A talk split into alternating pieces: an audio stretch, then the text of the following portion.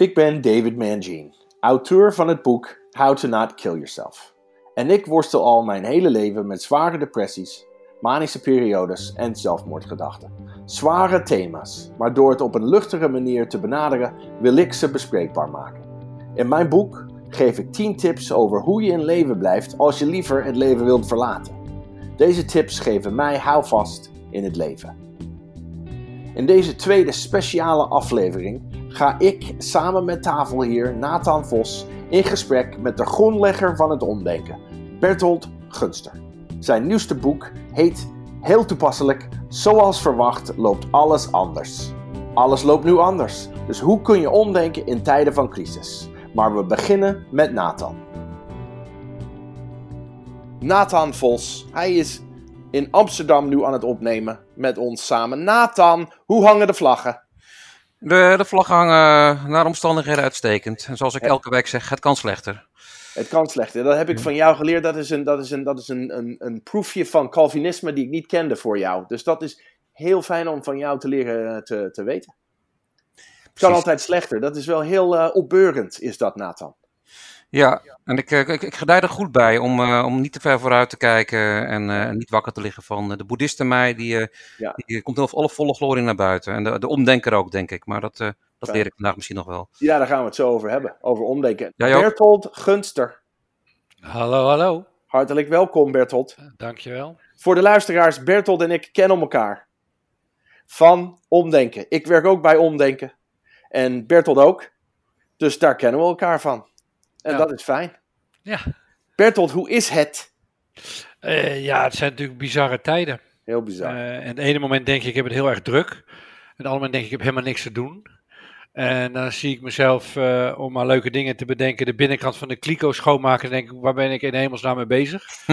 en nou, dat geeft me dan toch wel weer een, een prettig gevoel. Ja. maar als je te veel van dat soort dingetjes om een dag doet, voor een prettig gevoeletje, dan is het ook weer een onhandige gedachte. Dus het is wat zoeken, vind ja. ik, voor mezelf. Het is wat zoeken van hoe, hoe, wat is nou, hoe kan ik me draaien vinden in deze tijd. Ik vind dat, uh, ik vind dat wel lastig. Dat is niet, daar heb ik niet 1, 2, 3 een antwoord uh, op. Nee, dat snap ik. Maar je hebt wel een schone kliko. Twee, want ik heb een GFT-bak en eentje voor gewoon vuilnis. Dus uh, ik als dat doe, dan pak ik het ook meteen groot aan natuurlijk. En doe ik ze allebei, dat begrijp je wel. Je kent me, Dave. Dus, ja, uh, nou ja, jij pakt je kliko's aan. Nou, zo ja, ken ik je. Hey, maar Bertel, heb, heb, jij, heb jij wel eens in je leven een schone kliko gehad? Überhaupt? Nee, nog nooit zo schoon als nu. Kijk, nee. dat is al een overwinning. Ja, ja. Uh, Bertolt, ik wil beginnen door te vragen. Op een gegeven moment hadden wij met z'n allen het gevoel dat jij besmet raakte met het COVID-19-virus. Ja, jij was ook. ziek, klopt dat? Ook. Ja, het was heel wisselend, want ik kreeg opeens koorts. Wat ik nooit, eigenlijk nooit, ik heb nooit koorts. Ik zat op de bank, ik, ik, voelde me goed. En binnen 10, 20 minuten warm, verhoging, meten 38,5. Oh, dat is wel heel hoog. Nou, dat, dat bleef dan zo. En uh, de volgende ochtend was het dan 37,8 of 38,1. Raar. Dat zakte dan maar wat weg in de loop van de dag. Maar ik was ook snotterig en verkouden. En dat ging ook alsmaar niet over. En die, die, die verhogingen die kwamen en die gingen. Ik heb het echt vier, vijf keer gehad dat het er was en weg was, was en dat het weg was. En ik voel me lusteloos en slap. Geen, geen ernstige tekenen. Ik kon gewoon wel doorfunctioneren, maar wel wat moeier en lustelozer. En ik maak met alles wat ik wist, maakte ik natuurlijk wel zorgen van, uh, ja, dit, dit zou zomaar corona kunnen zijn. En uh, nou, dat heeft bij elkaar, uh, die, die koortsperiode, dat het kwam en ging, een week of twee geduurd. En, en ik ben nu nog steeds wel wat licht verkouden en dat is al een week of vijf, zes uh, gaande. Weet je, okay. ik heb de huisarts... Weken. Sorry? Twee weken kort, Bertolt. Ja, twee weken dat ik kwam en ging. Hè. Dus dan was het, elke keer had ik het en dan was het ook weer weg. Waardoor je dacht, ja, ja het, is, het is over. Maar dan kwam het weer terug. En dat was natuurlijk wel verontrustend. Want dat is niet bij een normale griep of koorts zo. Dus dat was wel een soort indicatie van, nou, misschien heb ik wel corona. En voelde je er buiten ook rot, buiten die koorts? Nee, ik voelde me wat lusteloos en dat was ja. het eigenlijk. Ja, en, en natuurlijk licht zorgelijk, van uh, dit moet niet erger worden. Maar ik had wel zoiets van, ja, zolang het niet erger wordt, wordt het niet erger en dan is dat zo. Na een tijdje heb ik de huisarts wel gebeld van uh, dit en dit zijn mijn uh, symptomen. En is het iets om er zorgen over te maken? Te zeggen, ja, zolang je niet boven de 70 bent, en dat ben ik niet, hè, ik ben 61, jonge god. En zolang je niet boven de 70 bent en, en je geen last van je longen hebt, kunnen we je niet testen. Dus kan ik het ook niet definiëren. Maar aan de hand van wat je beschrijft, zei hij, denk ik dat de kans dat je het hebt wel vrij groot is. Ja. Ben je bang geweest in die tijd? Nee, nee, nee. En mensen om je heen? Nee, eigenlijk ook niet. Nee. Mijn vrouw niet. En, uh, maar ik, ik wilde, uh, kijk, mocht ik opeens het echt, uh, collega van ons heeft echt heel zwaar aan de longen gehad. Kon bijna niet meer ademhalen. Kijk, als ik dat een dag of twee dagen later, of vanaf nu, morgen of overmorgen zou krijgen, dan ben ik meteen bang. Meteen. Hmm. Dus dat, of je wel of niet bang bent, dat heb je eigenlijk niet aan de hand. Nee, je hebt er geen controle over. Of je omdenken bent of niet, zeg maar. Dat maakt niet uit. Nou, dat wel. Dat heb je wel in de hand. De, maar heel veel dingen heb je ook gewoon niet in de hand. En beseffen dat je heel veel dingen niet in de hand hebt, vreemd genoeg geeft dat uh, uh, relief, zeg maar, mm. lucht en meer controle, vreemd genoeg. Bertolt, ja. Nathan en ik, we, hebben, we, we zijn gewone mannen, knullige mannen met een missie. Ja. En, en we willen in ieder geval jou vragen ons te helpen deze crisis door te komen. Hoe kunnen wij, Nathan en ik, gewone mannen, ja. de crisis doorkomen. Met omdenken. Ja. Uh, door jullie als gewone mannen te definiëren, zeg je daar maar ook iets over, over mij. Ik reken mezelf eigenlijk graag ook tot de gewone mannen, als je het uh, goed vindt. Vooruit, en nou, wat, mij, wat mij, no mij enorm bevrijd heeft tijdens het schrijven van het laatste boek, uh, zoals verwacht loopt alles anders, de titel van het laatste boek, is het inzicht dat um, je soms geen enkele invloed op een probleem hebt. Uh, nog op de feiten, uh, nog op je verwachting, hoe je met die feiten om zou kunnen gaan. Sommige problemen zijn er, uh, zoals uh, als je chronische pijn hebt, dan kan je wel zeggen, nou dan moet ik loslaten of daar niet moeilijk over doen. Maar als je elke dag gewoon fysiek herinnerd wordt aan dat je lichaam signalen afgeeft die gewoon onprettig of naar zijn, dan kan je wel heel, heel erg gaan diep ademhalen naar je onderste chakra, maar dat is echt heel erg een probleem. Nou, en nogal wat problemen in het leven zijn onveranderbaar, hebben wij geen enkele invloed op. En wat mij helpt is het inzicht dat we de neiging hebben in dat soort momenten, op dat soort momenten, er een probleem, er een probleem van te maken dat we een probleem hebben. Van, oh, en dit, en zie je wel. En ik wist, er komen er allemaal lagen van frustratie bij. Dus frustratie over de frustratie, over de frustratie, wordt alles maar erger. En dan zien we dat dat gebeurt, dat we dat doen. En dan zeggen we tegen onszelf, oh, dat moet ik eigenlijk niet doen. Daar zou ik eigenlijk mee moeten stoppen. Dat lukt ons dan niet. En dan vinden we ons een nog grotere sukkel, omdat we dat ook nog niet los kunnen laten. Dus wat er gebeurt is, je hebt een probleem. En dat is een serieus probleem. En er komen er allemaal leemlagen van frustratie omheen. En als je niet oppast, zijn die leemlagen, dat gezeur, dat gepieken, dat problemen van problemen maken, uiteindelijk een groter probleem dan het oorspronkelijke probleem. En wat dan helpt om die cyclus van frustratie op frustratie te doorbreken, is de shit-puntregel. Shit, punt. Ik heb een probleem. Het is ook echt een probleem. Dat is het. Shit. En dan punt. Hmm. Klinkt makkelijker dan het, uh, dan het uh, om te doen is. Kom maar zo voor. Dit vergt uh, dagelijks onderhoud. Ja. Dit vergt dagelijks onderhoud. Ja. En voortdurend onderscheid te maken tussen waar pieker ik over, waar gaat mijn brein naartoe en wat is het actuele probleem van dit moment. Maar als je, je, hebt, hierin, ja? je hebt het voorbeeld van, van, van, van dat je chronische pijn hebt.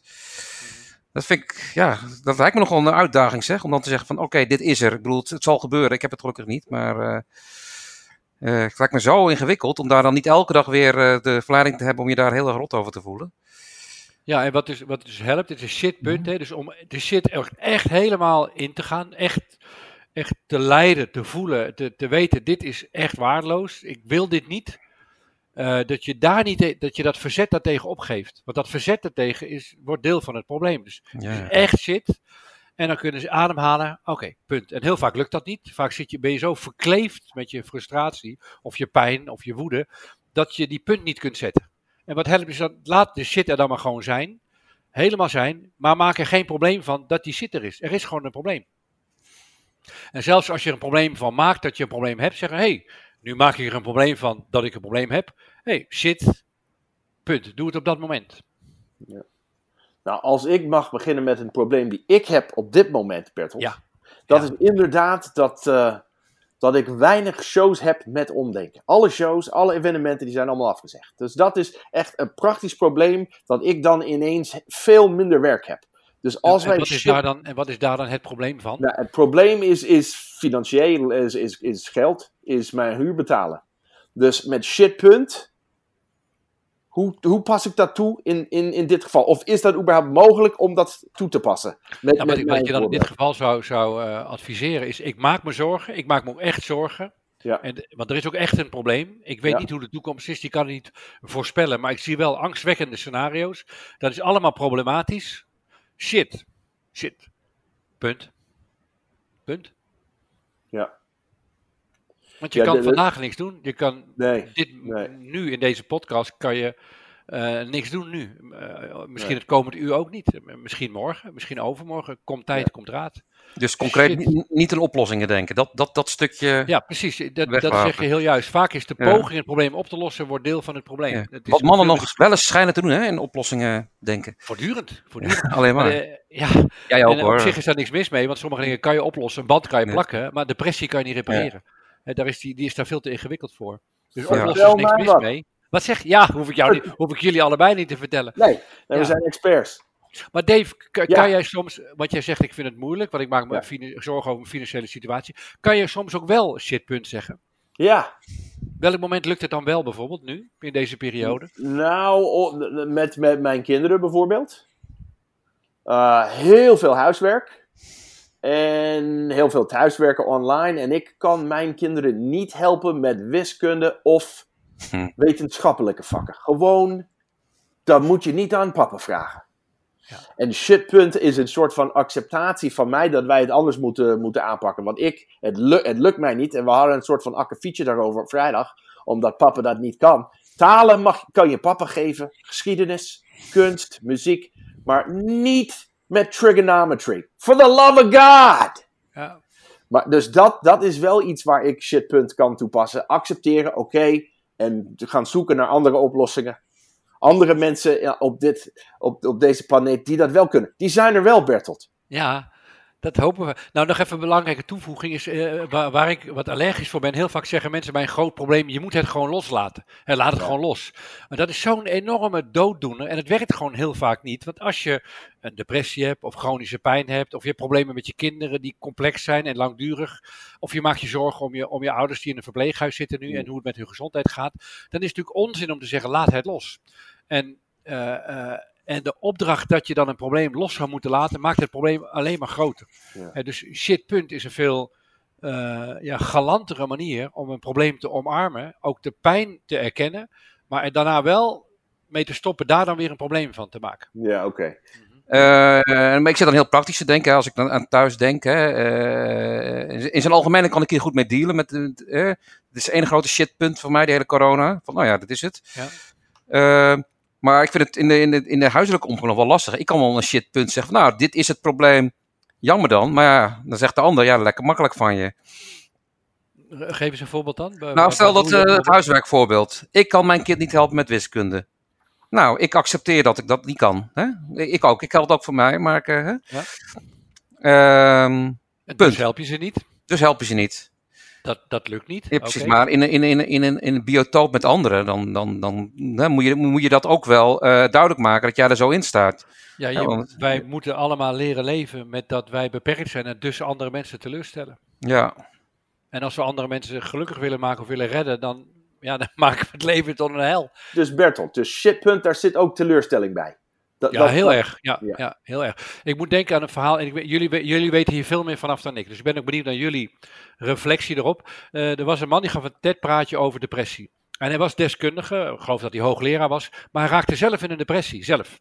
En opeens werd hij zelf zijn eigen studieonderwerp. Uh, hij kon zichzelf dus op twee niveaus beschouwen, en als hoogleraar en als patiënt, zeg maar. Als, uh, en hij beschreef, um, hij zei, en ik vond het, het kwam bij mij helemaal binnen als, als um, hoe ongelooflijk diep en frustrerend een depressie kan zijn. Hij zei, nou, ik lig dan in bed en ik heb de wekker gezet en hij gaat af en ik weet dat ik de wekker uit moet slaan.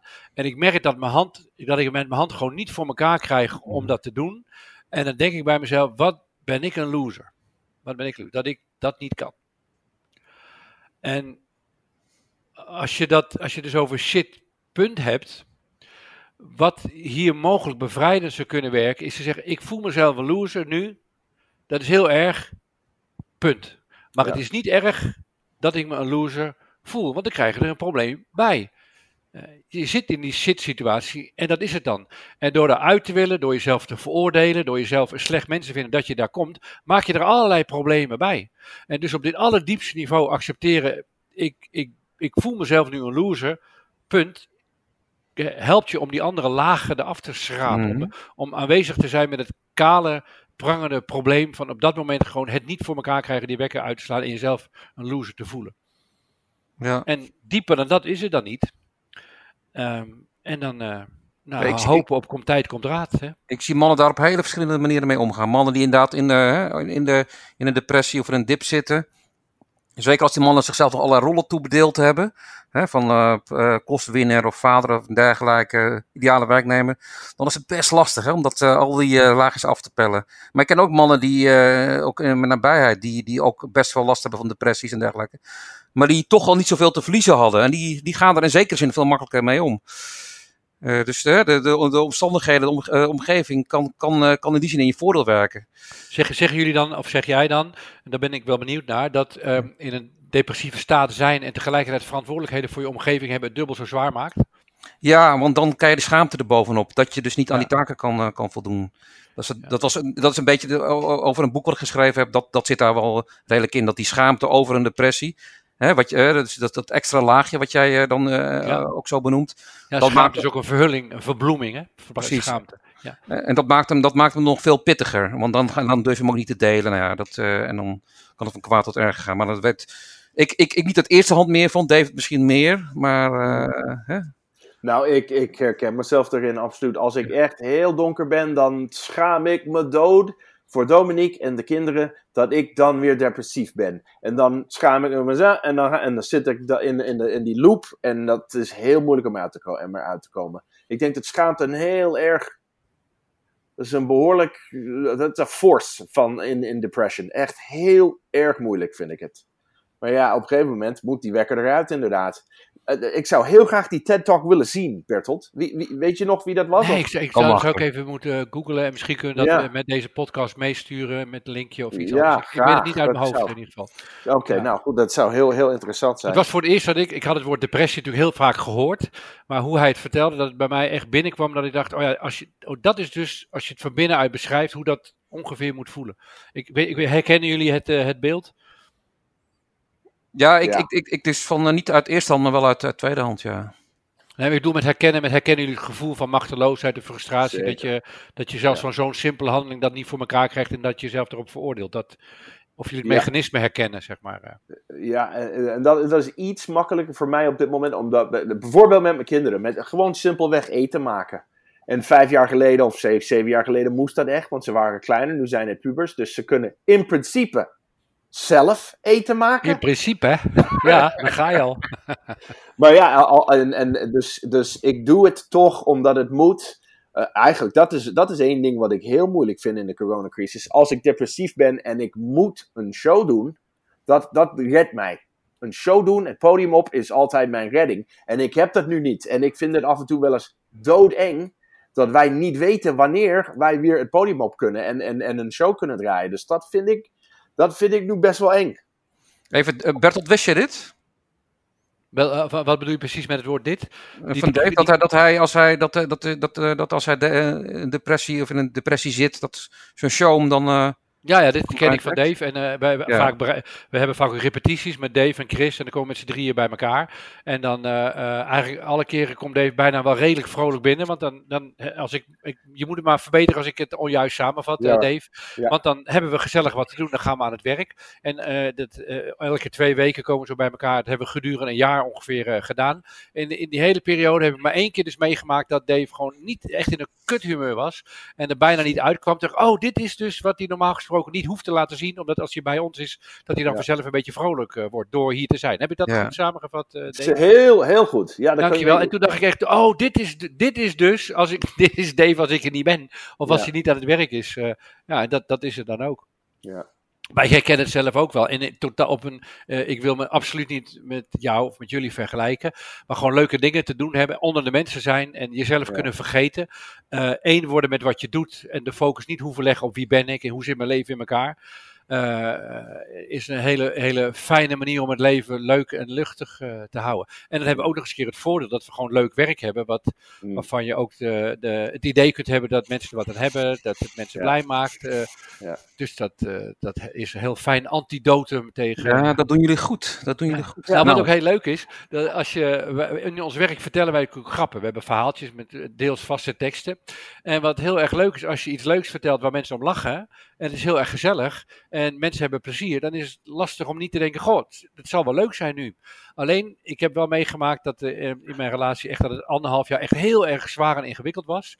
Dan vond ik mijn werk ook moeilijk, maar dan toch, als ik aan het werk was, die anderhalf uur was ik helemaal weg en gelukkig. En daarna stapte ik in de auto en dacht, oh kut, ik heb relatieproblemen. God, shit, wat is het leven eigenlijk waardeloos. Dave en ik heb het, uur was het weg. Ja. Dave en ik heb het wel eens gehad over Bruce Springsteen. Weet je, de eerste keer dat wij spraken, dat hij die shows van 3,5, soms 4 uur geeft. Het eh, wordt alleen maar langer en langer en dat is, dat is zijn therapie.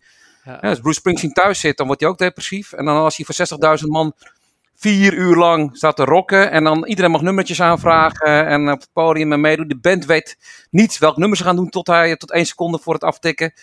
Dat is zijn. Hè? Dat is, uh, is waanzinnig. Dat vind ik een heel mooi voorbeeld, Nathan. Ja, ja. heb, jij, eh, heb jij, Bertolt, het idee dat, dat mannen hier anders mee omgaan dan vrouwen? Ook vanuit je show? Want hè, als je het hebt over thema's als schaamte en je laten zien en omdenken. Ik, ik, uh, ik uh, begeleid nu iemand met een, die een boek over schaamte schrijft. Dus ik, ik ben een beetje halve deskundige uh, op dit gebied. Dus heel veel onderzoek gedaan, ook naar het verschil tussen schaamte en schuld. Dat is heel fascinerend. Uh, schaamte heeft meer te maken met wie we zijn, of hoe we denken dat mensen ons waarnemen. En schuld met wat we doen. en schuld is dus te repareren en schaamte, schaamte veel moeilijker. Maar wat ik weet van wat de wetenschap hierover heeft uh, onderzocht, is dat mannen, bij mannen gaat schaamte naar buiten, vaak in de vorm van uh, agressie. agressie frustratie. En bij vrouwen gaat het vaker naar binnen naar, uh, naar depressie, naar zich verbergen en opsluiten. Dat is in het algemeen uh, de neiging. Maar uh, ja, als je echt heel erg diep schaamt voor een depressie, dan wordt het dan. De depressie in zichzelf heeft een neiging dat je natuurlijk naar binnen gaat. Dus dat is dan. Uh, maar schaamte los van depressieve gevoelens. Bij, bij mannen, mannen worden boos en uh, vrouwen verdrietig. Dat is het een beetje het zwart-wit patroon. En in, in de voor, praktijk? Is het dus heel, voor een man is het dus extra pijnlijk om depressief te zijn. Ja. En je daar ook nog eens voor te schamen. Dat is een soort klap op klap. Dat tast je hele beeld van competentie. Mannen weten de weg. Mannen weten dingen. Mannen zeggen linksaf, rechtsaf, zo doen we dat. Dus als je depressief bent en je schaamt, dat, dat, is gewoon dat is klap op klap. Ja, en merk je dat ook in je, in je shows, een ander gedrag? Eh, dat moeten mensen soms ook laten zien, of niet? Of in jullie, uh, of in jullie al jullie vormen die jullie met omdenken uitvinden? Hoe de, de, dynamiek in de zaal, zie je daar het verschillen bij mannen en vrouwen als het daarover gaat? Ja, er zijn wel grote verschillen. Je moet ontzettend oppassen met daar te snel conclusies over te trekken. Ja, maar je ziet het gewoon, toch? Ja, sowieso geldt dat vrouwen zijn veel geïnteresseerder in alles wat te maken heeft met persoonlijke ontwikkeling, met emoties, met praten, met communiceren, met relaties. En mannen gaan gewoon dingen doen, punt. Die gaan op een motor rijden of naar voetbal kijken en uh, die gaan dan met elkaar uh, drinken en dan hebben ze het goed. Dus mannen zijn heel goed in dingen doen en vooral in, in met stilte en zwijgen. En, uh, en uh, vrouwen vinden dat hele relationele veel uh, belangrijker. Dus de, de klanten van Omdenken, in de zin ja. van de theatershows en de boeken en de, de, de, luisteraars van de podcast, mensen die ons op Facebook volgen. de, gemiddeld is het vrouwen 35 plus, MBO plus, dat is ongeveer het beeld. ik heb ook voor bedrijven gewerkt, Dave ook, met bijna alleen maar mannen, waarvan je denkt, wat, wat hebben die mannen het tof met elkaar? Wat is het hier ontzettend leuk en ook ja. de, de toon is misschien wel afzeiken, maar onder alles door is er een sfeer van kijk eens hoe leuk wij elkaar afzeiken. En we houden elkaar allemaal uh, binnenboord. Dus, uh... Dat is zo mooi om te zien hoor. Mannenkameraadschap. Echt als je dat mm. ziet en uh, als je dat ervaart. Dat is, dat, ik, ik koester dat enorm. Ik, zoek het, ik probeer het ook steeds meer op te zoeken. Mijn, mijn studievriendenclub, wij zoeken elkaar. Nu allemaal mensen verliezen en verloren zijn en dingen misgaan, zoeken we elkaar ook wat actiever op. Na twintig jaar elkaar zeg maar genegeerd te hebben bijna.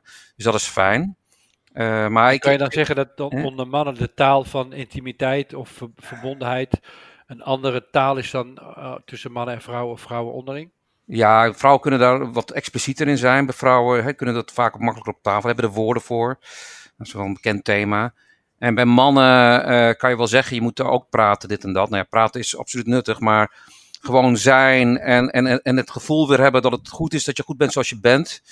Uh, dat is voor mannen wat moeilijker te halen soms, uh, vaak denk ik. En uh, misschien voor vrouwen ook, maar ik, ik, ik, ik, uit eigen ervaring van mijn vrienden en familie weet ik van, oh ja, dat is best pittig om dat te vinden. En als je het eenmaal hebt, in het moment vaak, hè, in het doen, ja, dan is het wel heel waardevol. En het, en het, het manifesteert zich heel vaak in slechte grappen maken, bijvoorbeeld.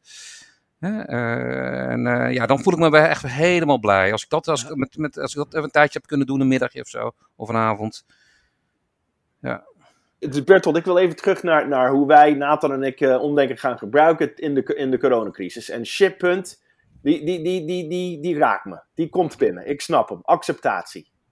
Is, er, is er nog iets waarvan je denkt dat is ook waar we op kunnen letten? Wat betreft omdenken. En, en nou, wat ik, waar, waar, ik mezelf ook op betrap, en ik denk dat veel mensen dat doen, is dat we willen eigenlijk zo snel mogelijk uit deze crisis. We willen structuur en plannen en helderheid. We vinden het heel naar om in het moment te zijn. En wat we in het wilde weg gaan doen, is allerlei oplossingen. Allerlei oplossingen gaan we maar proberen. En eigenlijk willen we met die oplossingen zo snel mogelijk repareren hoe het gewone leven was. Om een voorbeeld te geven, uh, nogal wat mensen die spreker zijn, uh, zoals wij dat ook zijn voor zaaltjes, die gaan dan gewoon webinars geven voor niks. En dan kunnen mensen kijken, maar dat gaat natuurlijk helemaal nergens naartoe. Dat is gewoon een soort, soort lullige imitatie van het leven voor corona.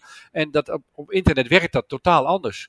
Um, uh, en op een gegeven moment gaan we weer voor zaaltjes staan. Dus dan is er een soort uh, tussenfase. Dus wat je, en dat, dat leidt nergens toe, naar mijn overtuiging. Volgens mij, wat je dus in deze fase moet doen, waarin we geconfronteerd worden met nieuwe problemen, waarvan we geen idee hebben wat die problemen eigenlijk überhaupt zijn, dat we moeten oppassen met oude oplossingen. Hmm. Als we toen deden we zo, we, we moeten je kan niet anders dan in het hier en nu bedenken, wat is er precies aan de hand? Wat is de situatie nu met mijn kinderen, met mijn omgeving, met mijn vrienden, met mijn relaties, met mijn werk, met mijn zorgen, mijn toekomst? Alles, alles staat op de helling.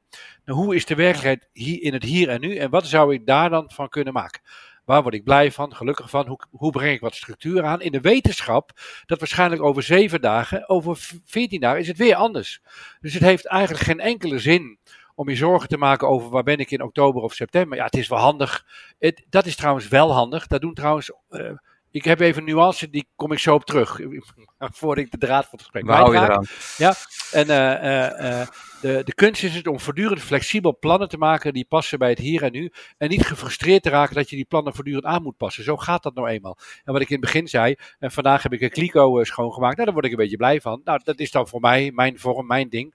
Uh, maar morgen als ik uh, zoiets doe, dan word ik misschien heel zagrijnig of ongelukkig van. Dus ik, ik spreek met vrienden af, dan ga ik ermee wandelen. En zo, ik, af en toe maak ik wat dingen, zoals deze podcast. En ik, ah leuk, ik heb vandaag wat te doen. Want dan ga ik inloggen en dan ga ik dingetjes zeggen. Ze gaan dingen vragen, leer ik mensen kennen. Dus dat geeft me dat wat plezier. En zo van dag tot dag hou je het leven een beetje leuk en, en licht.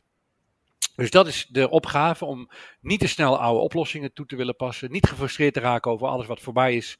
En in het hier en nu te kijken naar wat, wat maakt me van dag tot dag een beetje gelukkig. En, dat, wat, dat wilde ik net zeggen, wat volgens mij wel belangrijk is, dat je in je achterhoofd een soort vaag idee hebt. Dat ook als alles nou misgaat over zes maanden of over twaalf maanden, over, over 24 maanden, dat je een soort worst case scenario hebt, hoe vaag misschien ook. En dat je weet, ach joh, ook in het aller, allerergste geval, daar ga ik niet dood van. Want als je daarop voorbereid bent en dat vervolgens kunt loslaten, daar geen zorgen meer over hoeft te maken. En dat af en toe komt natuurlijk toch terug, daar kan je verder niks aan doen. Maar als je het allerdiepste geaccepteerd hebt, nou ja, vanaf dat moment valt het eigenlijk allemaal wel mee.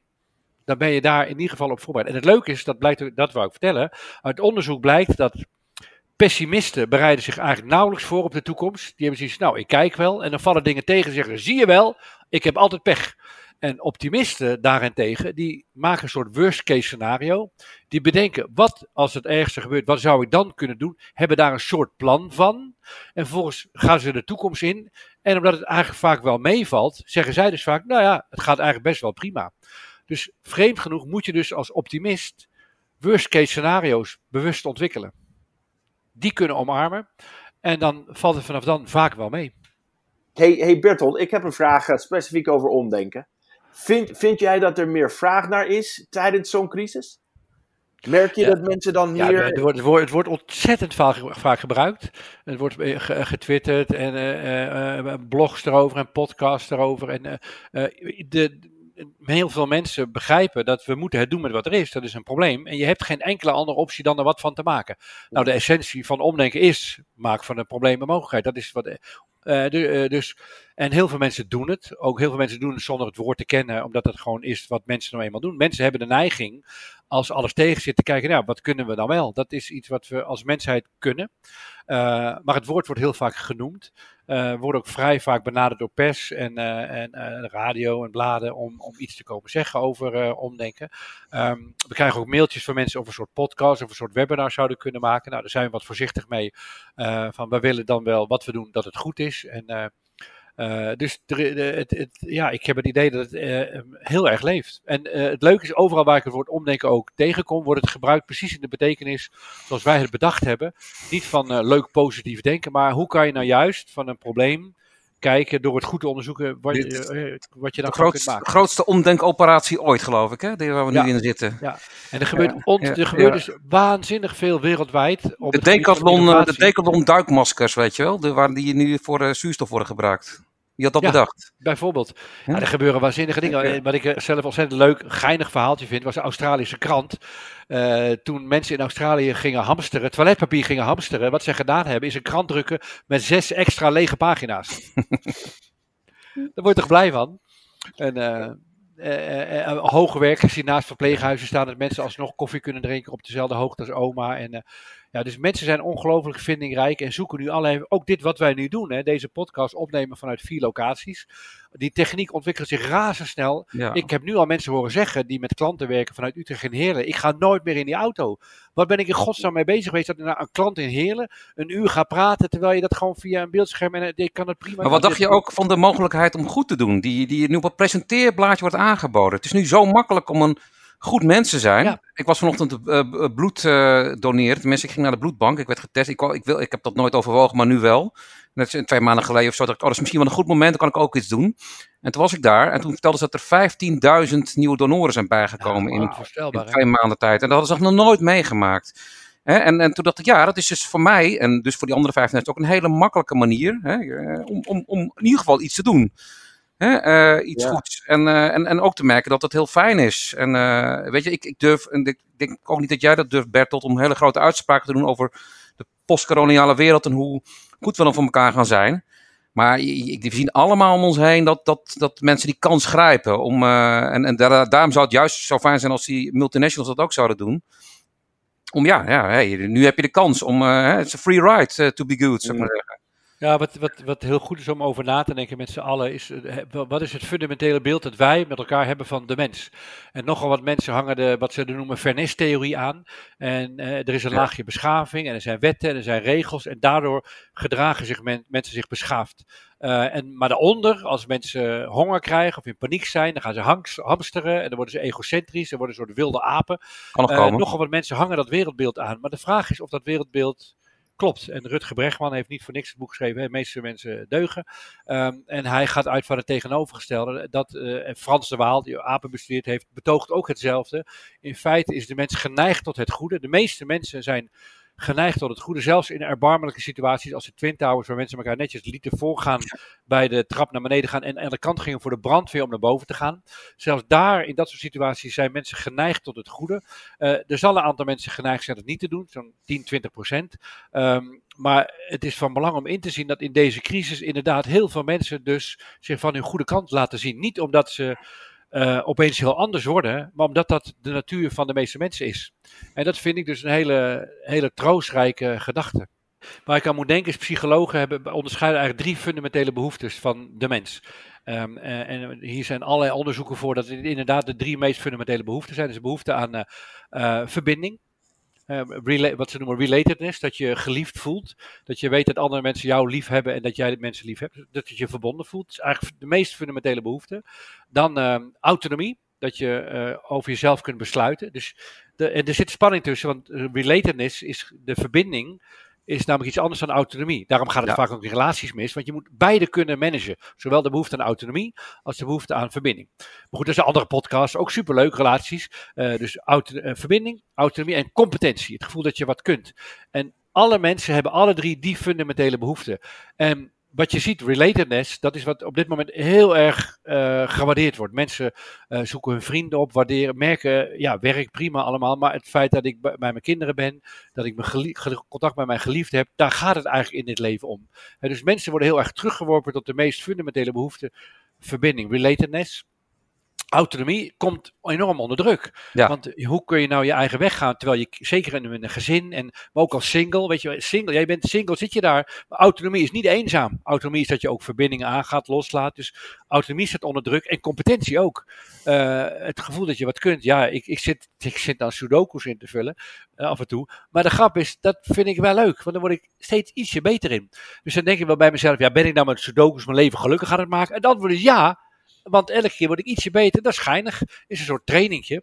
Um, maar wat in deze tijd dus heel erg onder druk komt, is die competentie. Want als je werk voor een groot deel wegvalt, en het valt voor de meeste mensen weg. In je werk kun je natuurlijk competent voelen. Je doet vaardigheden erop en je leert. Dus als, als je kijkt naar hoe kan je deze crisis nou zorgen dat je er een beetje doorkomt. Nou, zoom in op die drie uh, fundamentele behoeftes. En kijk waar je kunt werken aan uh, dat je zelf uh, dat verlangen vervult. En dan kan een sudoku prima zijn. Of dus, maar je, als ik, dus je zegt iets, iets, iets bewuster ook met je autonomie omgaan. Want dat, dat, dat gaat er nu aan, zeg maar. Ja, dus op het moment dat je weet, het staat onder druk, of ik moet de hele tijd rekening houden met mensen, ik word gek van, dat je durft te knippen, even alleen te zijn, je eigen ding te doen. Zeg, ik, ik, ik ben reinig, laat me nou maar gewoon. Ik wil gewoon even op mezelf zijn. Dat is een hele fundamentele behoefte. En daar is dus niks mis mee. Het betekent niet dat jij slecht met deze crisis omgaat. Het betekent gewoon dat jouw menselijke behoefte van autonomie niet vervuld wordt. Ja, er komt een alleen wandelen hype. Wedden? Dat wordt een nieuwe hype, wordt in je eentje gaan wandelen. Alleen lopen. Ja. Nou, en daar dan mensen ontmoeten voor relatedness op drie meter afstand. En dan even kletsen en weer door. Ja. En dan over het onderwerp waar je dan net ietsje slimmer en vaardiger voor wordt. Dan heb je alle vaardigheden. Als dat zou lukken. Hè? Ja. Nou ja. Maar ik vind ook, ik weet niet hoe het voor jullie is. Ik vind dus deze zo'n meewerken aan deze podcast in deze tijd. En met jullie van gedachten wisselen en dingen aanhoren. Vind ik dus ook een hele fijne manier om... Uh, en in verbinding te zijn met mensen. Uh, en, en over dingen na te denken om competent te blijven. Bertolt, ja. uh, dit is dus de How to Not Kill Yourself podcast. Hè? Ja. En dat, uh, ik heb een boek geschreven, het heet ook zo. En in, in dat boek zijn er 10 tips om tegen depressie aan te gaan, om, om, om beter te voelen, laat ik het zo zeggen. Ja. Uh, en wij vragen altijd onze bijzondere gasten voor een elfde tip. Ik wil jou vragen, Bertolt, wat is jouw elfde tip? Mijn elfde tip, Dave, en ik heb er natuurlijk over nagedacht, want deze vraag had ik, had ik gekregen van tevoren. Mijn tip is, uh, benader elk probleem, en met elk probleem bedoel ik echt elk probleem, hoe groot of hoe klein ook, benader elk probleem als een potentiële mogelijkheid. Mooi. Elk probleem is een potentiële elk mogelijkheid. Is een potentiële mogelijkheid. En dus... vaak lukt het je niet een antwoord op die vraag te vinden, maar als je die vraag niet stelt, zul je het antwoord nooit vinden. En naar mijn overtuiging is iets een probleem omdat jij gefrustreerd bent. Je wil iets, je hebt een verwachting, je hebt een verlangen en dat lukt niet. Nou, dat verlangen is niks mis mee. En de kunst is het om daar dus een andere vorm voor te vinden.